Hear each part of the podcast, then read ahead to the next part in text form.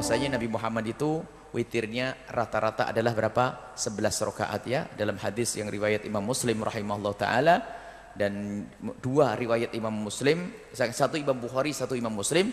Nabi itu kalau witir rata-rata 11 rakaat. Riwayat Imam Muslim bunyinya begini. Kanat kata Siti Aisyah, kanat salatu Rasulillah sallallahu alaihi wasallam minal laili, salatnya Rasulullah di malam hari adalah asyra rakaatin 10 rakaat wa yutiru bisajdatin ditambah satu. Berarti berapa?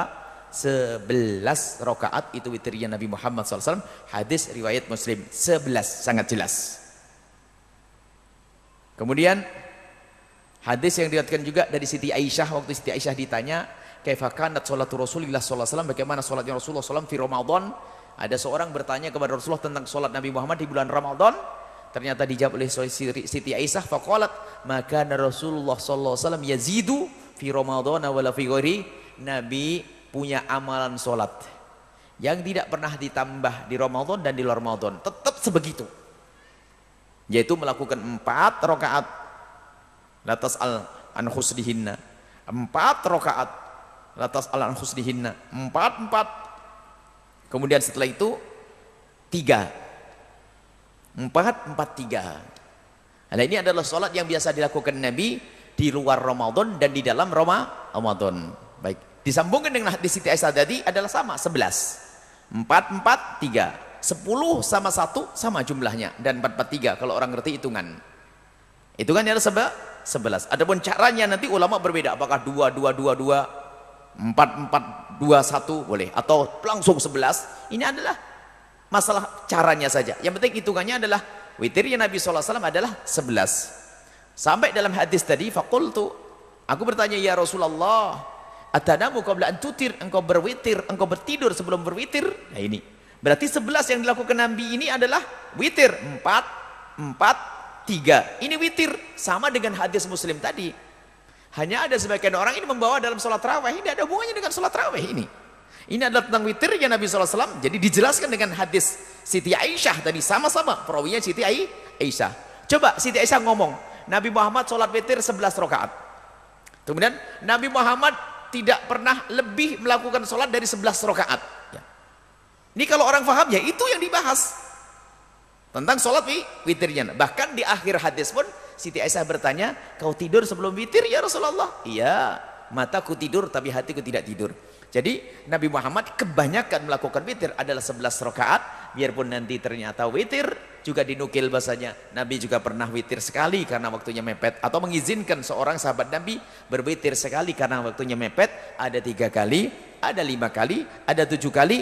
Bahkan Nabi SAW selama ini berwitir adalah 13 rakaat, cuma 13 rakaat dalam hadis Siti Aisyah tadi duanya adalah dua rakaat fajar tetap 11 rakaat. Cuman falamma dhaufa. Dalam hadis yang diriwayatkan oleh Imam Tirmidzi pernah Nabi itu mengurangi dari 11 jadi biasa Nabi 11 11 11 cuman lamma dhaufa. Falamma kabura. Waktu Nabi Muhammad sudah mulai sepuh waktu itu dalam riwayat wa dhaufa dan lemah au tarabit sab'in witir Nabi Muhammad menjadi tuh tujuh. Jadi dalam keadaan lemah pun ini jarang dilakukan. Tujuh itu jarang dilakukan Nabi hanya terjadi pas Nabi dalam keadaan lemah mengurangi witirnya dari 11 menjadi 7 rakaat. Baik, 7. Jadi bukan seperti seperti yang dikatakan sebagian orang terawih Nabi Muhammad 8 hmm, kemudian misalnya ini, ini bukan ini bukan masalah terawih itu. Masalah terawih 8 4 2 ini ini adalah sholat sunnah. Kita tidak mengatakan terawih 8 salah atau 4 salah, bukan itu. Kita ingin menjelaskan bahasanya hadis ini bukan masalah taraweh tapi hadis masalah wi, witir. Adapun bilangan rokaat terawih Nabi akan kita bicarakan nanti. Bilangan Bilangan terawih Nabi. Nah, kalau sekarang ini selesai. Witir Nabi adalah kebanyakan sebelas. Biarpun satu boleh, tiga boleh, lima boleh, tujuh adalah pernah dilakukan Nabi di saat beliau adalah lemah. Do'ufa, kabur mulai sepuh. Pernah dilakukan Nabi seperti itu. Tapi kebanyakan sebelas. Ini adalah witirnya Nabi SAW yang dilakukan dalam hadis Siti Aisyah di Ramadan dan di luar Ramadan. Jadi di luar Ramadan 11, di dalam Ramadan tetap tetap 11. Ini witir Nabi SAW. Alaihi Wasallam. Baik tentang qiyamul lail fi Ramadan, tentang solat tarawih di bulan Ramadan, ini apa apa apa yang dilakukan? Berapa yang dilakukan Nabi SAW? Ini ada hadis Nabi SAW. Hadisnya banyak tapi maknanya serupa. Di antaranya adalah maknanya serupa dengan hadis ini tentang hadis yang dikatakan oleh Siti Aisyah. Hadis Sayyidah Aisyah radhiyallahu anhu anna Rasulullah SAW hadis riwayat Imam Bukhari dan Imam Muslim bahwasanya Rasulullah sallallahu alaihi wasallam shalla fil masjid di bulan Ramadan salat di masjid. Data lailatin pada suatu malam. Wa shalla bi salatihi nasun kemudian eh diikuti oleh orang.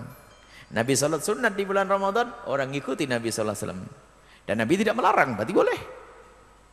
Thumma shalla minal qabilati. Kemudian hari berikutnya Nabi salat. Wa kathurun nas. Eh, orang pada lebih banyak lagi yang ikut. Tumajtama'u minal lailati thalithati awir rabi'ati. Akhirnya di malam yang ketiga atau keempat itu Nabi tidak keluar, falam yakhruj. Nabi lihat orang kumpul di masjid, Nabi lihat dari rumahnya enggak keluar Nabi. Falam yakhruj ilaihim tidak keluar kepada mereka Rasulullah SAW. Falamma asbah waktu masuk subuh keluar Nabi dan berkata. Aku tahu kamu nunggu saya ya. Mau sholat bareng sama saya lagi kan? Iya. Karena tahu Rasulullah, sahabat Nabi senang beribadah dengan Rasul. Tapi Nabi tidak keluar. Falam yamna'ni minal khuruj. Tidak ada yang menghalangi itu, menghalangiku untuk keluar illa anni kecuali karena aku kasihan kepadamu. Aku sayang kepada kalian semua. Khasyitu takut antufrat alaikum. Aku takut di saat kalian sholat di belakangku lalu diwajibkan oleh Allah Subhanahu wa taala. Nah, di sini tidak disebutkan inilah sholat tarawih Nabi sallallahu alaihi wasallam. Ada banyak hadis seperti itu kurang lebihnya. Model riwayatnya semacam itu. Jadi terawihnya Nabi Muhammad tidak ada bilangannya.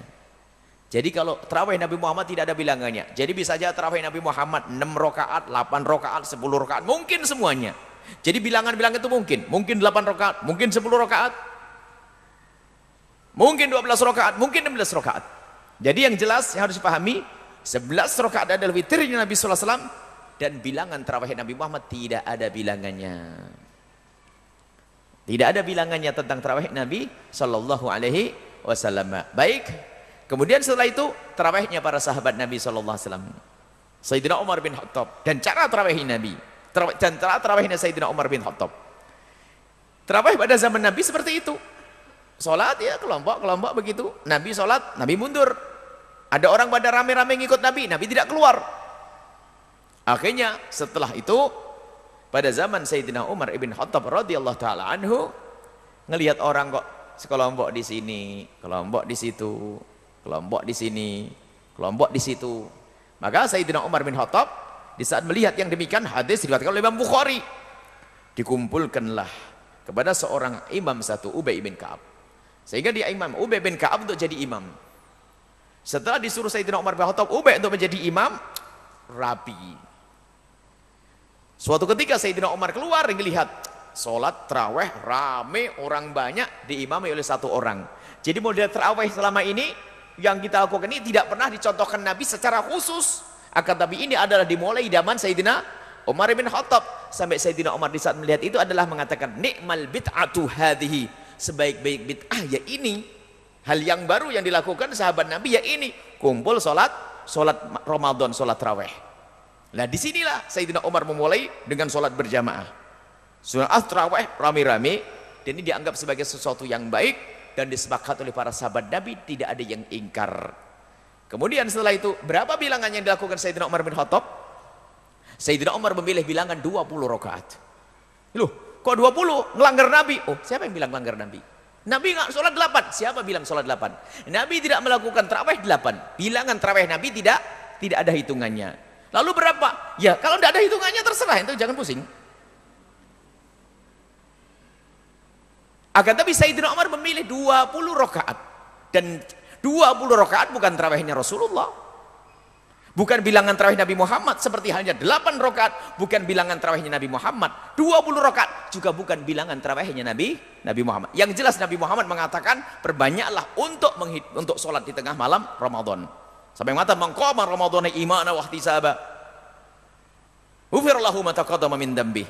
Bangun di malam hari bulan Ramadan, ibadah, ibadah akan diampuni dosanya oleh Allah Subhanahu wa taala. Lah Sayyidina Umar bin Khattab melakukan salat tarawih 20 rakaat. Dan ini disepakati oleh sahabat Nabi sallallahu alaihi wasallam. Tidak ada khilaf dalam hal ini. Dan juga disepakati oleh empat madhab sahabat Nabi. jadi semua madhab, madhab semua madhab mengatakan sholat tarawih adalah dua rakaat ikut sholat tarawih yang pernah dilakukan oleh Sayyidina Umar ibn Khattab radhiyallahu taala anhu. Loh kenapa kok para ulama kok memilih 20 rakaat? Kok tidak 8? 8 dan 20 rakaat tidak ada beda. 8 rakaat juga bukan bilangan Rasulullah, 20 juga bilangan bukan bilangannya Rasul. Rasul sebab tidak ditentukan bilangan tarawihnya Rasulullah. Tapi kenapa ulama memilih 20? Jawabannya adalah di saat ulama memilih 20 maka karena ingin mengamalkan dua sunnah. Kalau ada orang sholat tarawih 14 rakaat mengamalkan satu sunnah. Melakukan sholat 8 rakaat mengamalkan satu sunnah. Dapat sunat dia mulai dan sunat tarawih. Yang melakukan 8 rakaat dapat satu sunnah. Yang mengatakan yang melakukan 10 rakaat dapat satu sunnah. Yang melakukan 16 rakaat dapat satu sunnah, tapi 20 rakaat dapat dua sunnah. Apa yang membedakan? Sebab kalau 8 10 rakaat adalah Nabi, yang penting qiyamul di malam Ramadan itulah sunnah qiyamul Ramadan, sunnah tarawih. Terserah namanya tarawih atau qiyamul lail. 8 dapat qiyamul dapat pahala. Dan syariat itu benarkan. Cuman kalau 20 qiyamul lail atau bukan? Qiyamul lail sama. Cuman kelebihannya apa? itulah yang dipilih oleh Sayyidina Umar bin Khattab. Alaikum bisunnati wa sunnatil khulafa'ir rasyidin. Hendaknya engkau mengikuti sunnahku dan sunnah khulafa'ur rasyidin. Sunnahku melakukan qiyamul lail. Khulafur rasyidin Sayyidina Umar bin Khattab mengambil 20 jadi kita mendapatkan dua sunnah. Ini perbedaannya. Ini kalau kajian ilmiahnya seperti itu. Jadi yang melakukan 8 rakaat ya dapat. Yang penting jangan ngomong ini loh terawihnya Rasulullah. Tidak usah ngomong gitu ini bilangannya Rasulullah yang lain salah. Udah sebegitu. Anda melakukan delapan, lakukan delapan. Tapi jangan mengatakan ini terawihnya Rasulullah. Karena terawih Rasul tidak ada bilangannya. Sebab delapan rakaat tadi adalah terawih surat witir. Baik. Kemudian 20 rakaat diambil oleh para imam madahibul arba'ah. Dari masa ke masa sampai hari ini. Kecuali madhab Imam Malik. Jadi ada dua pendapat dalam sholat terawih 20 rakaat adalah menurut jumhur ulama ada pendapat riwayat dari Imam Malik adalah tidak 20 rakaat menurut Imam Malik adalah 36 rakaat. Mau ambil ambil silakan. Kenapa Imam Malik waktu itu di Madinah? Sebab orang terawih di Mekah itu setelah 4 rakaat tawaf. 4 rakaat tawaf 4 rakaat tawaf. Ahli Madinah tidak punya Ka'bah untuk tawaf dan tidak ada pembatasan bilangan dari Nabi. Maka 20 rakaat tetap. Cuman tambahannya adalah untuk menggantikan. Orang Mekah tawaf saya tambah rakaat lagi. Orang Mekah tawaf saya tambah rakaat lagi menjadi 36 nah ini hilangnya di sini. Makanya kada sebagian orang ini subhanallah ya yang melakukan delapan itu ada satu risalah kecil. 20 rakaat adalah bid'ah. Innalillah astagfirullahaladzim. Kef saya tidak Umar bin melakukan bid'ah. Tidak ada batasan tentang bilangan taraweh. Sudah jelas Ya kalau 20 rakaat adalah tidak ada beda dengan 16 rakaat dan 10 rakaat. Cuman bedanya 20 rakaat itu yang dipilih oleh khulafaur rasyidin. Dan khulafaur rasyidin disepakati oleh para sahabat yang lainnya. Maka di saat kita mengambil 20 adalah kita mengamalkan dua sunnah. Yang pertama adalah sunnah Nabi Qiyamul Lail, yang kedua adalah sunnah mengikuti khulafaur rasyidin. Ini. Jadi dua kesunahan di sini. Jadi bagaimana kita menanggapi orang delapan? Alhamdulillah dia masih mau sholat. Yang penting jangan ngomong yang 20 bid'ah ini. Kita tidak mengatakan 8 bid'ah. Dan kita juga tidak mengatakan 20 bilangan terawihnya Rasulullah. Seperti halnya kita tidak mengatakan 8 bilangan terawihnya Rasulullah. Ini, ini 8 bukan terawih, bilangan terawihnya Rasulullah. Seperti hanya 20 juga bukan bilangan terawihnya Rasulullah. Kenapa? Karena bilangan terawih Nabi Muhammad tidak terhitung. Cuman kenapa ulama memilih 20? Mereka cerdas. 20 karena apa? Diambil oleh khulafaur rasyidin agar mendapatkan kesunahan. Wong sama-sama ngambil sunnah double. 20 rakaat ada sunnah Nabi qiyamul lail ditambah ngikuti Sayyidina Umar ibn Khattab.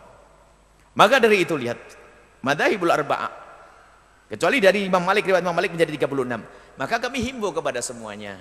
Hendaknya terawih kita adalah jangan sampai ya Ya jangan dikurangi. Ada pun riwayat tentang terawih adalah 6 rakaat ini. Sebenarnya dalam buku terawih kami kita jelaskan tentang riwayat yang lemah bahkan riwayat palsu yang memastikan bahasanya terawih Nabi adalah 8 rakaat. Tidak.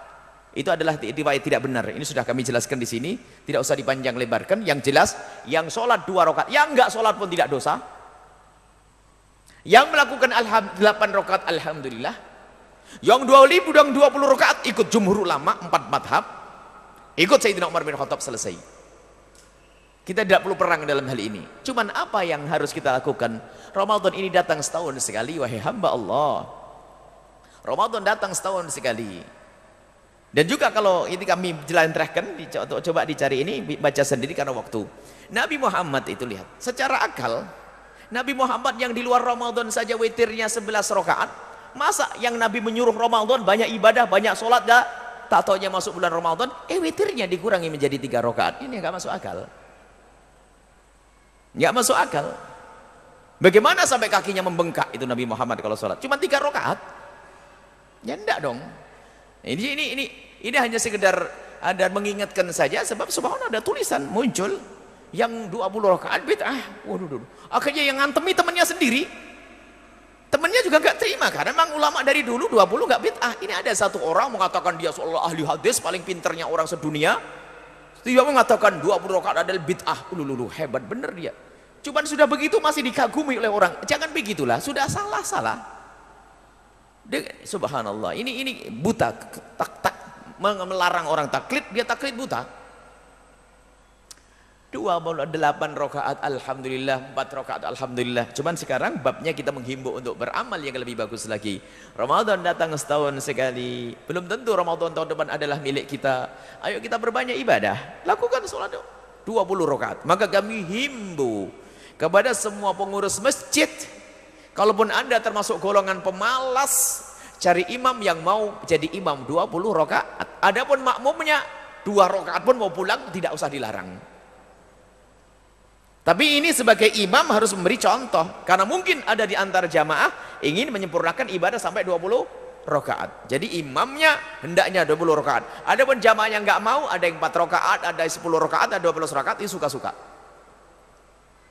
Tapi hendaknya sebagai contoh agar diikuti orang 20 rakaat. Tolong ini disuarakan semua masjid.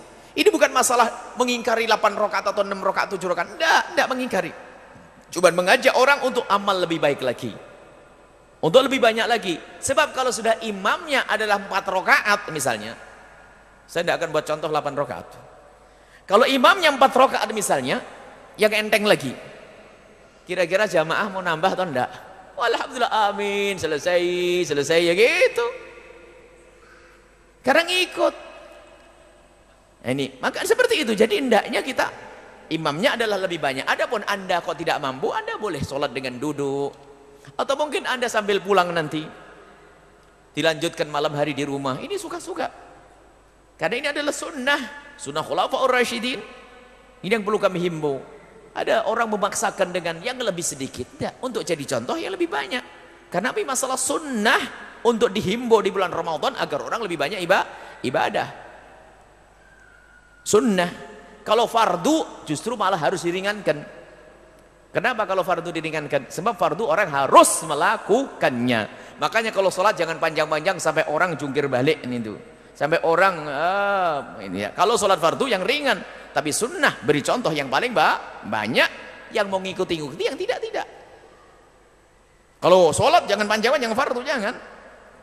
Baik, kemudian setelah itu kami himbau jangan sampai ada yang meninggalkan tarawih biarpun dalam keadaan apa pun. Contoh, Anda dalam bepergian. Mungkin Anda harus kunjung ke rumah saudara yang ada di Brebes sana. Maghrib harus buka bersama di sana pulang. Sampai Cirebon kira-kira tarawih bubar atau tidak? Sudah bubar. Maka kami himbau lakukan tarawih di atas kendaraanmu. Sholat tarawih, sholat isya dulu di Brebes sana, pulang ke Cirebon sambil sholat di atas kendaraan. Kalau 100 rakaat pun dari Brebes ke kejar itu. Sholatnya mudah. Yang sopirnya sambil jadi imam juga tidak ada masalah. Ini adalah dalam hadis witir. Ini adalah Nabi Muhammad sholat ala rahilatihi di atas kendaraannya. Ini masalah witir. Hadis riwayat Imam Bukhari misalnya. Yusolli fis safari Nabi Muhammad sholat di atas perjalanan ala rahilatihi di atas kendaraannya. Ini termasuk ilmu yang jarang dihadirkan maka kami selalu suarakan agar mobilmu itu bermanfaat, mobilmu menjadi musola yang indah, tempat untuk mengabdi, mengabdi kepada Allah. Jadi kalau sampai di rumah itu dijamin ngantuknya, yakin sudah. Apalagi tadi di rumahnya saudara itu lagi menunya cocok kekenyangan. Jadi udah di atas kendaraan sholat, masya Allah, dipermudah sehingga anda tidak akan kurang dari 20, yakinlah. Asalkan manajemennya saja yang mudah. Kalau ada capek, kurangi tidak apa-apa. Tapi ingat lanjutkan nanti di malam hari untuk tidak kurang dari dua, 20 untuk mendapat sunnah khulafaur rasyidin. Di atas mobil lihat. Setengah jam ternyata sholat dengan duduk itu lebih cepat daripada sholat dengan berdiri. Ibu dari sini naik mobil sampai pleret, belum pleret sudah 20 rakaat. Percaya atau tidak? Pokoknya jangan ngebut-ngebut banget mobilnya. Jadi wajar, jadi sholatnya biasa. Dan bahkan sebagian ulama mengatakan adalah pahalanya lebih gede daripada di saat kita duduk di tempat. Kenapa? Sepanjang jalan ini akan menjadi saksi dalam dalam ibadahmu. Maka kami menghimbau untuk menjadikan kendaraanmu adalah tempat ibadah. Yang sudah 20 rakaat kalau punya waktu ya jangan dibatasi 20, 20 sudahlah ya Allah, saya ikut khulafa ini 20. Cuman saya punya waktu lagi, sholat yang banyak lagi. Jangan dibatasi dong sampai 500 rakaat. Sahabat Nabi ada yang melakukan sholat 500 rakaat. Jadi di atas kendaraan tolong gunakan mobilmu ini adalah untuk beribadah kepada Allah Subhanahu wa taala. Yang naik motor pun juga Allahu Akbar. Pokoknya jangan ngomong. Cuman biasanya yang baru pertama, yang belum baru latihan itu sudah ngomong. Ini kadang-kadang komentari orang, ih minggir ini. Ya, dan batal nanti sholatnya kalau sengaja. Tapi kalau sudah terbiasa akan mudah. Jadi jadu gunakan mobilmu adalah untuk melakukan sholat. Tapi gara-gara punya ilmu ini jangan males nanti. Alasan apa? Sholat isaknya di at-taqwa, rumahnya di pleret. Bah, terawihnya di jalan aja yuk. Wah mundur ning rosot ini. Bukan itu maksud kami. Maksud kami adalah di saat anda dalam keadaan tertentu gunakanlah mobilmu untuk so sholat ibadah. Ibu cukup dengan baju ini nggak harus pakai mukena khusus. Yang penting menutup aurat kecuali wajah telapak tangan boleh dibuka. Allahu Akbar. Aja sujudnya tidak harus menempelkan ini di jok. Udah usah. Yang penting menunduk lebih rendah lagi itu adalah sah. Inilah jadi dipermudah. Minimal 20 rakaat di malam bulan bulan Ramadan, jangan kurang ya. Tapi ingat, kami tidak mengajarkan untuk mencaci siapa pun. Yang kurang dari itu alhamdulillah masih mau tara. Tapi kami akan menegur orang yang suka mencaci maki itu. Anda kenapa mencaci maki? Mau taraweh kok bid'ah ini? Bagaimana? Enggak ada bilangan Nabi. Yang mau 100 rakaat 100 rakaat sana. Yang kuat. Tidak ada masalah. Semakin banyak adalah bukan yang dilarang. Baik ini saja insya Allah masalah sholat terawih yang bisa kami hadirkan. Mohon ini bisa dimiliki ini ya, untuk para pembimbing. Adakah terawih yang bid'ah? Jawabnya nggak ada terawih kok bid'ah ini. Ini pertanyaan tok karena pertanyaan omong kosong ini pertanyaannya. Adakah terawih yang bid'ah? Tidak ada terawih yang bid'ah. Kemudian juga ini ada satu buku kecil yang hendaknya segera disebar. Solusi di saat jalan macet ini sangat berguna bagi orang yang arus mudik nanti ini. Dan hari ini bukan menunggu arus mudik Jakarta setiap hari mungkin ribuan orang meninggalkan sholat. Permasalahannya bukan karena mereka menantang Allah, tapi karena tidak ngerti caranya sholat yang gampang. Ini ada satu buku kecil, ya. Buku kecil sengaja bukunya buku saku, biar bacanya langsung hatam-hatam. Kalau tebel begini nanti mabuk dulu gak dibaca, taruh di lemari nanti ya. Nah, ini saja tak suruh mecah-mecah. Ini buku tebel ini suruh pecah kecil-kecil saja ini. Biar ringan-ringan nanti hatam, selesai selesai gitu. Enak ya. Kita sudah kelasnya kelas TK balik TK semuanya. Harus gayanya gaya TK Insya Allah ini saja semoga Allah. Tapi ibadahnya jangan kayak TK Ramadan tidak boleh jadi anak TK ambil yang banyak insya Allah ya. Allahu a'lam bisawab